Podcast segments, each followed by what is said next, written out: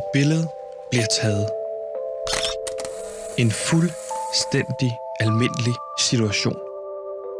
Hvis ikke det var fordi, du kiggede på omstændighederne bag. For det, der bliver portrætteret på fotografiet, er sådan set uskyldig nok. Det er faktisk uskyldigheden selv. Det er to søde børn.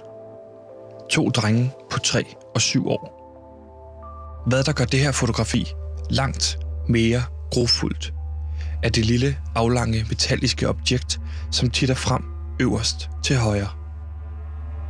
Det er nemlig et oversaget jagtgevær, som peger direkte på de to børn. Kidnapning af børn er noget af det mest underholdende, når det kommer til fiktionens verden. Se bare Forbrydelsen, sæson 3, hvor familien Søjden, der skal foregive at være familien Mærsk, får kidnappet deres lille pige. Han bad os om at give et bud. Han spurgte os, hvad vi synes, Emilia er værd. Hvad synes du, Emilia er værd? Eller thrilleren Prisoners, hvor Hugh Jackman kidnapper en ung fyr, fordi han tror, han har noget at gøre med kidnapning af hans eget barn.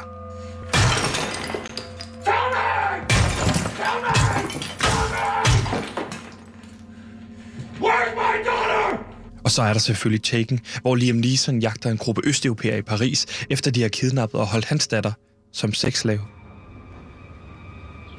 You don't remember me. We spoke on the phone two days ago. I told you I would find you. Vi tømmer glædeligt skålen med popcorn, mens vi kigger på disse forfærdelige scenarier. Men virkeligheden er bare anderledes. For kidnapning af børn er noget af det mest forfærdelige, man kan opleve. Og i dagens afsnit skal du møde en mand, som har oplevet netop dette. At få kidnappet sine to små børn af, hvad han påstår, er Lars Lilholdt. Mit navn er Sebastian, og sammen med min researcher Gantemir og vores producer Simon, jagter vi sandheden om Lars Lilholdt. Det gør vi i serien Hvem er bange for Lars Lilholdt? Lige nu lytter du til det fjerde afsnit, som vi har valgt at kalde Et dødsdømt venskab.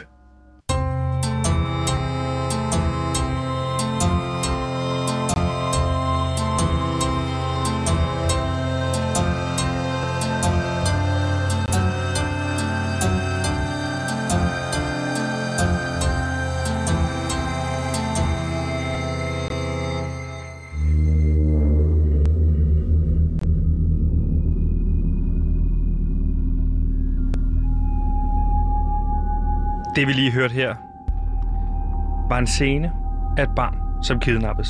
Eller to børn, som kidnappes. En scene, som vi vil snakke mere om og nærmere om i dagens afsnit, hvor vi snakker med personen, som oplevede netop dette. En oplevelse, han, ifølge ham selv, blev udsat for af Lars Lilleholdt. Men Gantemir, lad os lige prøve at rise sagen op. Fordi hvad ved vi egentlig indtil videre i vores jagt på Lars Lilleholdt? Jamen, vi fandt ud af i forrige afsnit, at nedlukningen af det legendariske og toneangivende pladeselskab Sonet havde direkte noget at gøre med Lars Lilleholdt. Ja. Og hvordan var det, det havde noget at gøre med Lars Lilleholdt? Jamen, øh, vi fandt jo ligesom ud af, at, at Lars Lilleholdt han var kommet ind i et skænderi med, øh, med Sonet. Den officielle historie går på, at de gerne ville have, at han skulle lave en plade fyldt med covernummer, og det er derfor, Lars Lillehold var blevet sur på Sonet. Vi fandt ud af, øh, gennem min research, at Lars Lillehold har jo lavet mange øh, altså sange, covernummer, øh, så det gav ikke mening, at Nej. øh, det var derfor. Og i går fandt vi så ud af, at der i virkeligheden var holdt, øh, det, der var holdt hemmeligt, var jo det her skænderi imellem Lars Lilleholdt og en anden violinist, som vi har talt med tidligere i dag, og som vi kommer til at tale eller spille klip af senere i programmet, ikke også? Mm. Øh, det vi også øh, oplevede, eller har oplevet indtil videre, det er jo at få kastet to sten igennem ruden. Den sten, jeg fik for dig, var godt nok, øh, eller hvad kan man sige, den sten, jeg fik gennem ruden, var dig, der kastede den igennem, for at prøve at genskabe den oplevelse, du havde haft tidligere på dagen, Ja. eller natten, hvor du fik kastet en sten igennem ruden, hvor vi fik netop at vide, at vi skulle tjekke zonet ud.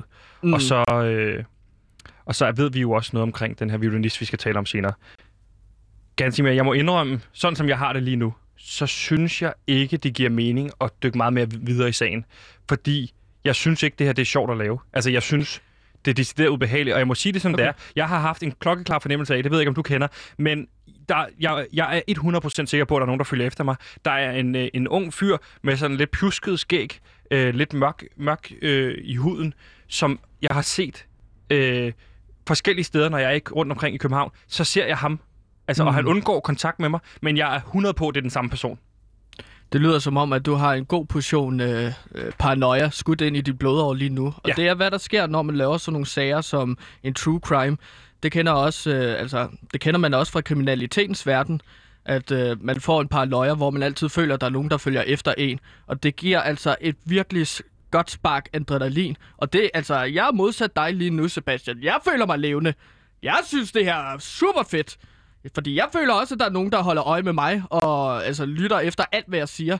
Og det synes jeg er fantastisk, der er nogen, der ligesom holder øje i med, hvad det er, jeg laver. Så, Sebastian, du skal bare lige vente dig til den her paranoia-fornemmelse. Det er jeg simpelthen ikke sikker på, at jeg kommer til at vende mig til. Jeg synes, jeg synes ikke, det er behageligt. Jeg sover ikke om natten. Og Nej, er det i dag, fedt? Nej, det er da overhovedet ikke fedt. Og i dag, der skal vi jo snakke med, med nogle folk, som har fået Lars Lilholds magt at føle på, hvad kan man sige, første hånd. Øh, og derfor så skal vi snakke med en kilde, som selv har succes her i øh, musikbranchen. Vi har nemlig tidligere i dag interviewet en mand ved navn Rasmus, som er musikmanager for en række store danske bands. Og hvad kan man sige, af frygt for sin... Øh, for sin og andres sikkerhed, der har han bedt om komplet anonymitet, og det har vi respekteret, og derfor har vi anonymiseret hans stemme. Øh, og i interviewet kan jeg fortælle ligeledes, det har foregået på et hemmeligt sted her på, øh, på Christianshavn. Men Gantemir, hvordan er det, den her kilde, vi har snakket med, har stødt på Lars Lilhold? Kan du fortælle os mere om det? Jamen, øh, vores anonym kilde, han har flere gange stødt på Lars Lilholdt i forbindelse med deres fælles gang i musikbranchen. Ja. Og øhm, altså i det første klip, som vi skal høre nu, d- der fortæller han om en situation, hvor han møder Lars Lilholdt alene i en elevator på vej øh, op til et pladeselskab. Og det her klip, det er altså første gang, eller der fortæller vores anonym kilde om første gang, de mødes på Tomatshånd. Første gang, jeg tænker, at han er en speciel fyr, det er, at jeg møder ham igen som 21-årig, da jeg skal være... øh, jeg, du ved, jeg lige har startet som manager sådan rigtig for nogle bands, på vej op på øh, Warner øh, Music, Ja. som er et stort pladselskab, hvor han var signer på et tidspunkt. Jeg møder ham i elevatoren. Lars er meget sådan... Han, han, han tager et rum, ikke? Og i det her tilfælde, der er rummet så elevatoren på vej op til Warner. Så han tager jeg på kommer- dig? Nej, det siger jeg ikke, Sebastian. Men det, jeg siger, det er, at han tager mine solbriller. Det, der sker, da jeg kommer ind i rummet, vi anerkender lige med sådan nik, så tager han bare og kigger på mig. Og jeg har nogle solbriller på den dag, for jeg tænker, at jeg skal være fed manager, så jeg har taget nogle solbriller på. Mm. Det har jeg lært sidenhen, at det virker 100%. Ja. ja. Øh, men det gør han så det, at han tager solbrillerne af mig, uden at sige noget. Og solbrillerne af, kigger på mig, uden at sige noget, sætter dem på igen og siger, ja, det er sgu bedre med solbriller. Og det er den her aura, Lars ligesom kan give. Ja. Og, og der går jeg op med en selvtillid til det møde op Warner, og signer en kæmpe deal derop. Og det tror jeg kommer af den øh, stemning, som Lars som sætter elevatoren der.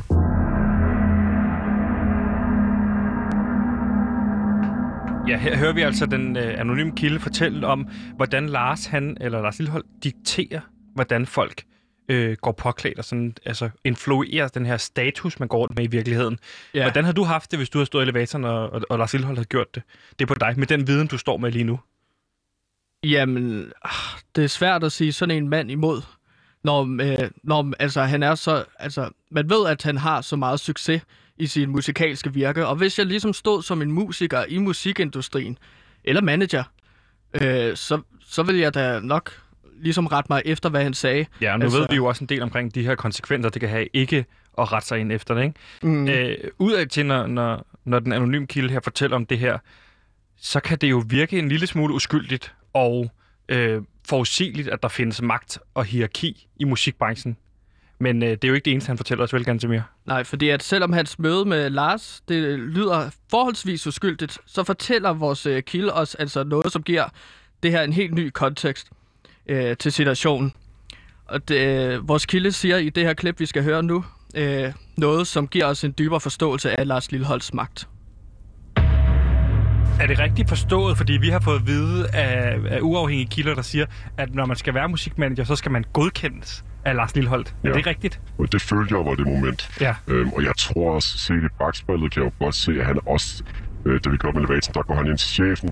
Og jeg tror, han har sagt noget til chefen om, at ham der skal I give en god deal. Hvor dybt stikker det her? Altså, hvis vi begynder at grave nu, hvad finder vi, og hvor dybt stikker det her? Skal vi være bange? Altså, det giver ikke nogen mening at gøre som sådan.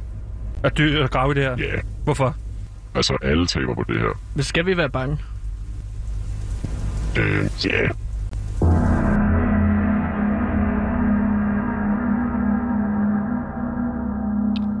Gan- Gantimir, øh, med det her indblik, så får vi jo også øh, få lov til at se den anden side af sagen. For nu, fordi der er jo to sider af sagen, når, øh, når man øh, er influeret af Lars Lilholdt. Fordi den ene side af sagen, den repræsenterer jo det her meget dystre billede, vi har set tidligere med øh, studier, pladeselskaber, der bliver brændt ned, lukker og sådan noget, med, med folk, der måske har sagt Lars Lilholdt imod.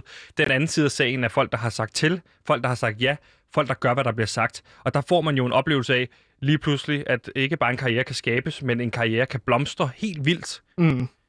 Ja, og det er, hvis man ligesom spiller bold med Lars Lillehold, at så virker det til, at man ligesom får en uh, raket stukket på ryggen, og så kører det bare derud af i den danske musikindustri. Ja, og igennem din research er du dukket på, hvad kan man sige, andre steder i samfundet, hvor man kan sige personligheder, der har ageret nikkedukker i virkeligheden, Mm.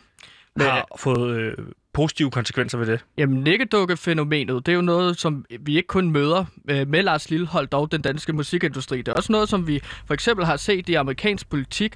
De sidste fire år med Donald Trump som øh, præsident, har der været ufattelig mange nikkedukker, der bare har sagt ja, og så ligesom fået utrolig meget magt af nævnværdige folk. Mike Pence, den tidligere vicepræsident, som blev vicepræsident, fordi han bare sagde ja tak, og først tog afstand til Donald Trump en uge inden. Så du vil sige, at han måske, Mike Pence, er gået på kompromis med det, at han står for, for at blive vicepræsident, kan man sige. Ja, Ja. det siger jeg. Øhm, Og det samme ser vi jo også øh, i, øh, i filmbranchen, som vi også har talt om, som vi også er blevet influeret af. Fordi vi har jo tidligere haft Peter Olbæk i studiet, som vi fandt ud af efterfølgende, at man jo... ikke må... Nej, man må ikke snakke med ham. Nej. Øh, men det er der jo mange mennesker, der igennem årene har stået model til masser af ting med Peter Olbæk, for at få lov til at lave en film, for eksempel, og så videre, ikke? Ja, som... Altså, kan du nævne nogle mennesker? Nej. Nogle eksempler? Okay. Fordi hvis jeg gjorde det, så ville det også få konsekvenser for mig. Jeg synes, vi er i gang med rigeligt i forhold til, øh, hvor mange konsekvenser det her skal have. Så, så, så den her anonyme kilde har jo ligesom været med til at tegne øh, et andet billede af øh, Lars Lilleholdt. Hvad man kan få ud af Lars Lilleholdt. Og det skal vi se, eller nu skal vi kigge på den, den, den anden side af det. Altså hvilke konsekvenser det kan få, hvis man ikke makker ret.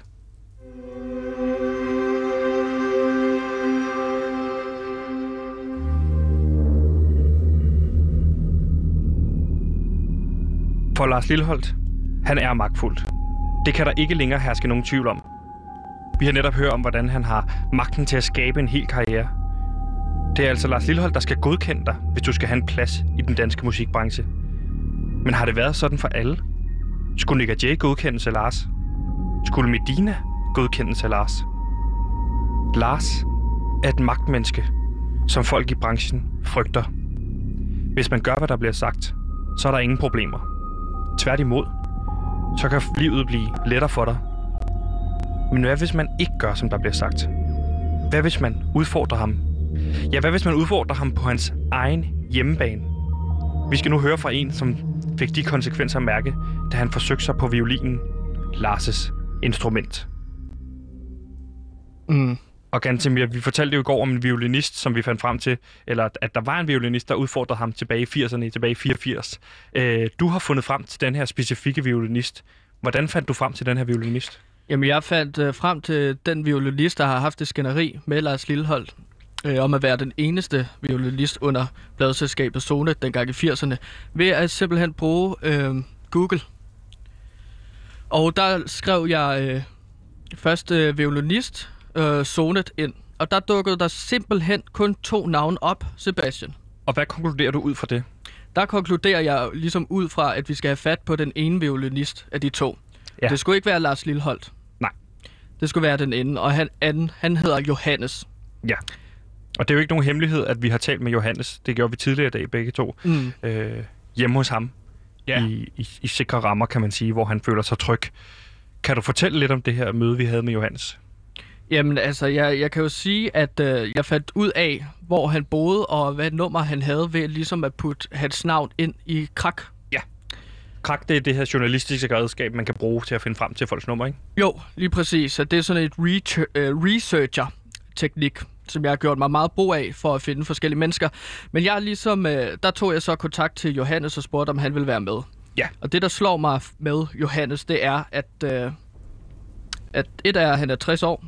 Noget andet er, at øh, han virker lidt skræmt over at snakke om Lars Lilleholdt. Øh, men vi har simpelthen nogle clips med fra det interview, vi har lavet med Johannes.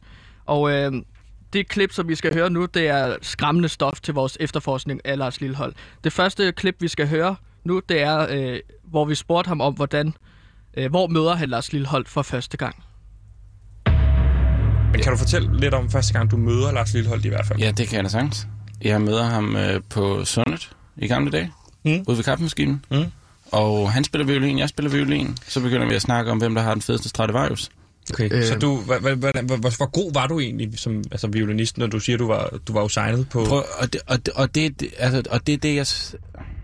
Okay, at spille violin, det burde ikke være en konkurrence. Så jeg gider heller ikke stå her og sige, at jeg var George Best, og han var David Beckham, eller det ene eller det andet. Men altså, mm. jeg har spillet violin, siden jeg var tre år gammel. Øhm, har ikke rørt en violin i mange år nu. Øhm, står, har stadig en hængende på væggen derhjemme, som jeg kigger på. For jeg synes, det er et æstetisk... Ved I, hvad æstetisk betyder? Ja, æstetisk, det er jo ligesom det her ord, der skal beskrive. Det er ligesom, når man laver mad, ikke? Ja, Så når så, man kan ser... det være, så kan det være æstetisk. Ja. Flot instrument. Lige præcis. Det er et super flot instrument. Jeg kigger stadig på en violin. Øhm, jeg kunne ikke drømme om at spille på en igen i dag.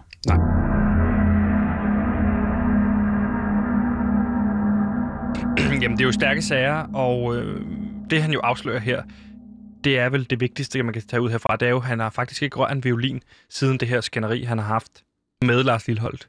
Mm. Og det ved vi jo meget mere om. Ja. Det her skænderi, er det ikke rigtigt? Jo, øhm, altså det har virkelig været en skræmmende oplevelse for Johannes, at ligesom at have det skænderi med Lars Lillehold. Og det vi så også fandt ud af i interviewet, det er, at altså, vi spurgte Johannes om, hvornår det første gang er, at han finder ud af, at Lars Lillehold ikke er den, han siger, han er. Og det skal vi Hvornår er det første gang, du lægger mærke til det her, og kommer du til, hov, hvad sker der her? Det er da ikke den Lars, jeg kender, eller det er da ikke den Lars, Lars Lillehold på violin, som er lige så sjov, som han var. Første gang. Jeg skal på et tidspunkt øh, spille med mit gamle band. Mm. Vi skal mm. spille for os, Ja. hvad der er en, en stor koncert ude i Esbjerg. Og vi har ligesom haft vores instrumenter. De har været stående på Sonnet over natten. Mm. Og alle, der ved noget om violiner, de ved, at du kan ikke spille, du kan ikke spille violin. Øh, du skal have meget... Whatever, nu bliver det lige noget violin-nørdesnak. Ja. Men du kan ikke spille violin, hvis dine strenge ikke er helt stramme. Nej. Og øh, jeg har altid strammet mine strenge natten før en koncert, fordi jeg skal have de skarpeste strenge i byen. Mm. Det var mit... Øh, det var ligesom mit... mit Du havde det også på en t-shirt. Lige præcis, dengang dengang, det stod, Det stod din jeg gider ikke se det, jeg kender godt de t-shirt der. Ja, og så da vi så møder op, vi, har, vi kører rundt, vi, øh, vi kommer ret sent til koncerten i Esbjerg, og øhm, så er der nogen, der har løsnet min strenge over natten. Der Og det- mistænker du Lars Og Lillehold, det, eller hvad? ja, fordi du, du kan ikke, der er ikke andre, der er dygtige nok til, altså, der er ikke andre violinstrengspillere eller violin øh, opstrenger, Der er kan dyg- det. der er dygtige nok Nej. til at gøre det. Altså, der var mig og Lars på det tidspunkt der. Og det er ikke noget, du bare lige strænger den op igen. Nej.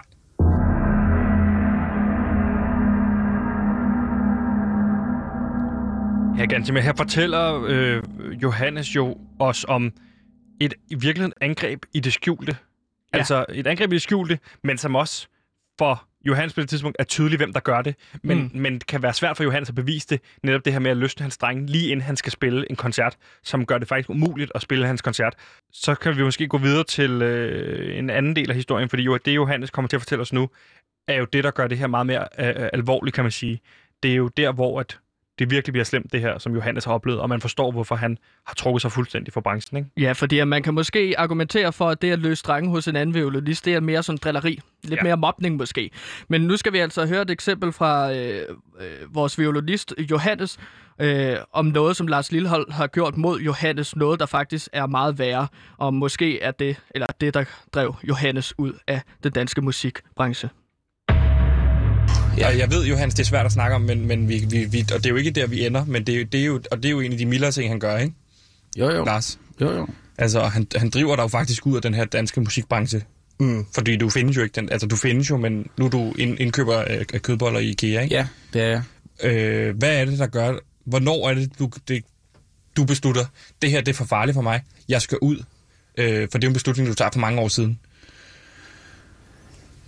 Først og fremmest, først og fremmest, jeg er en voksen mand, så jeg kan godt tage mine beslutninger selv. Men du, Nej, mere, du, ja, du, beskriver jo, du beskriver jo, at han ringer ned til din, din børns børnehave på det her tidspunkt, der er Ja, ja, ja. helt små, Ja. samler dem op, Ja. kidnapper dem, Ja. kidnapper dem over Ja. en weekend, Ja.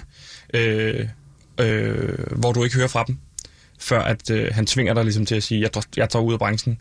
Han sender et billede til mig, hvor at han står og peger med et gevær på mine to sønner. Ja. Som på det her tidspunkt vel har været. Det, ja, den ene har jeg lige sat til at starte med violin selv. Han er tre. Mm. Mm. Den anden er syv.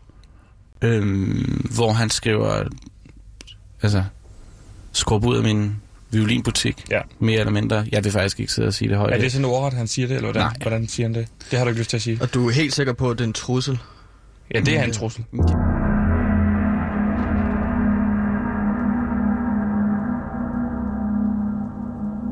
ganske mere. Det er jo her, det bliver for alvor øh, en virkelig en trussel, det her, at han jo...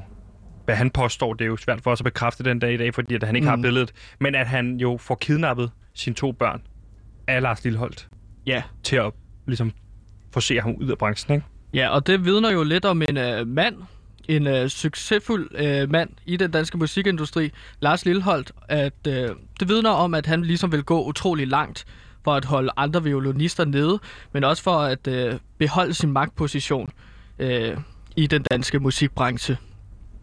Øh, det er jo scary stuff, synes jeg, og det vidner om en mand, der ligesom kan, altså, vil gå langt for ligesom, for, altså, med os kunne det være, ligesom vil have Ja, has på os, ikke? Præcis, og det er Sebastian? der, hvor jeg synes, det bliver en lille smule fjollet, at vi bliver ved med det her, når en mand fortæller os, at for mange år siden har han fået kidnappet sine to børn af Lars Lilleholdt, at vi så skal fortsætte med at lave det her podcast. Men vi har jo ikke børn, Sebastian, så der kan han ikke ramme os. Måske kunne han skaffe os af vejen på en eller anden måde. Altså, det, det er jo med til at gøre det her lidt spændende, vil jeg sige. Ja, jeg synes, mere jeg- levende. Jeg synes ikke, det er spændende på nogen måde.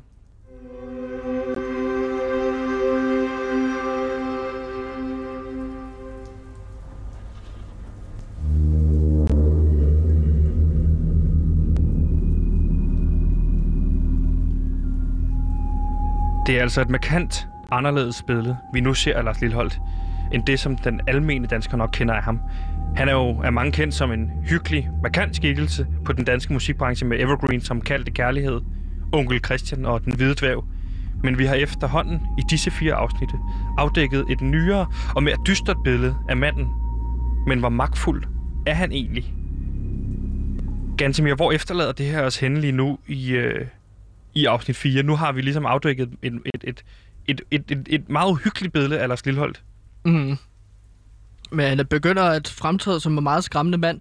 Altså, det vi ved, det er jo, at han har været med til at få lukket Sodet, pladselskabet, det legendariske Sodet, ja. da de forsøgte sig med en anden violinist end Lars Lillehold.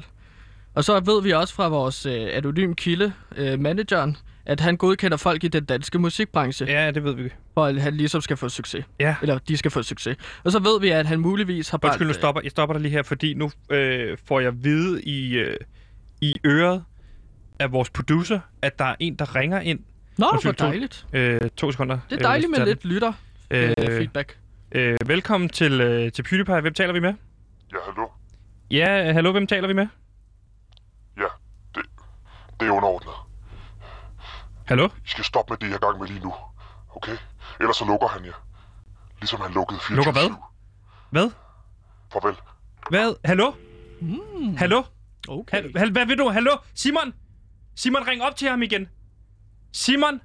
Simon, ring Sebastian, op til ham igen. slap af. Ring ham op igen, Simon. Sebastian, slap af her. Simon, ring ham op igen. Jeg skal vide, hvad han vil. Sebastian, Simon! slap, slap af. Altså, roligt. Simon, vi ring ved, ham op! Vi ved jo ikke, hvem det var. Det kunne være hvem som helst, så tag Simon! det roligt. Simon derude, ring ham op.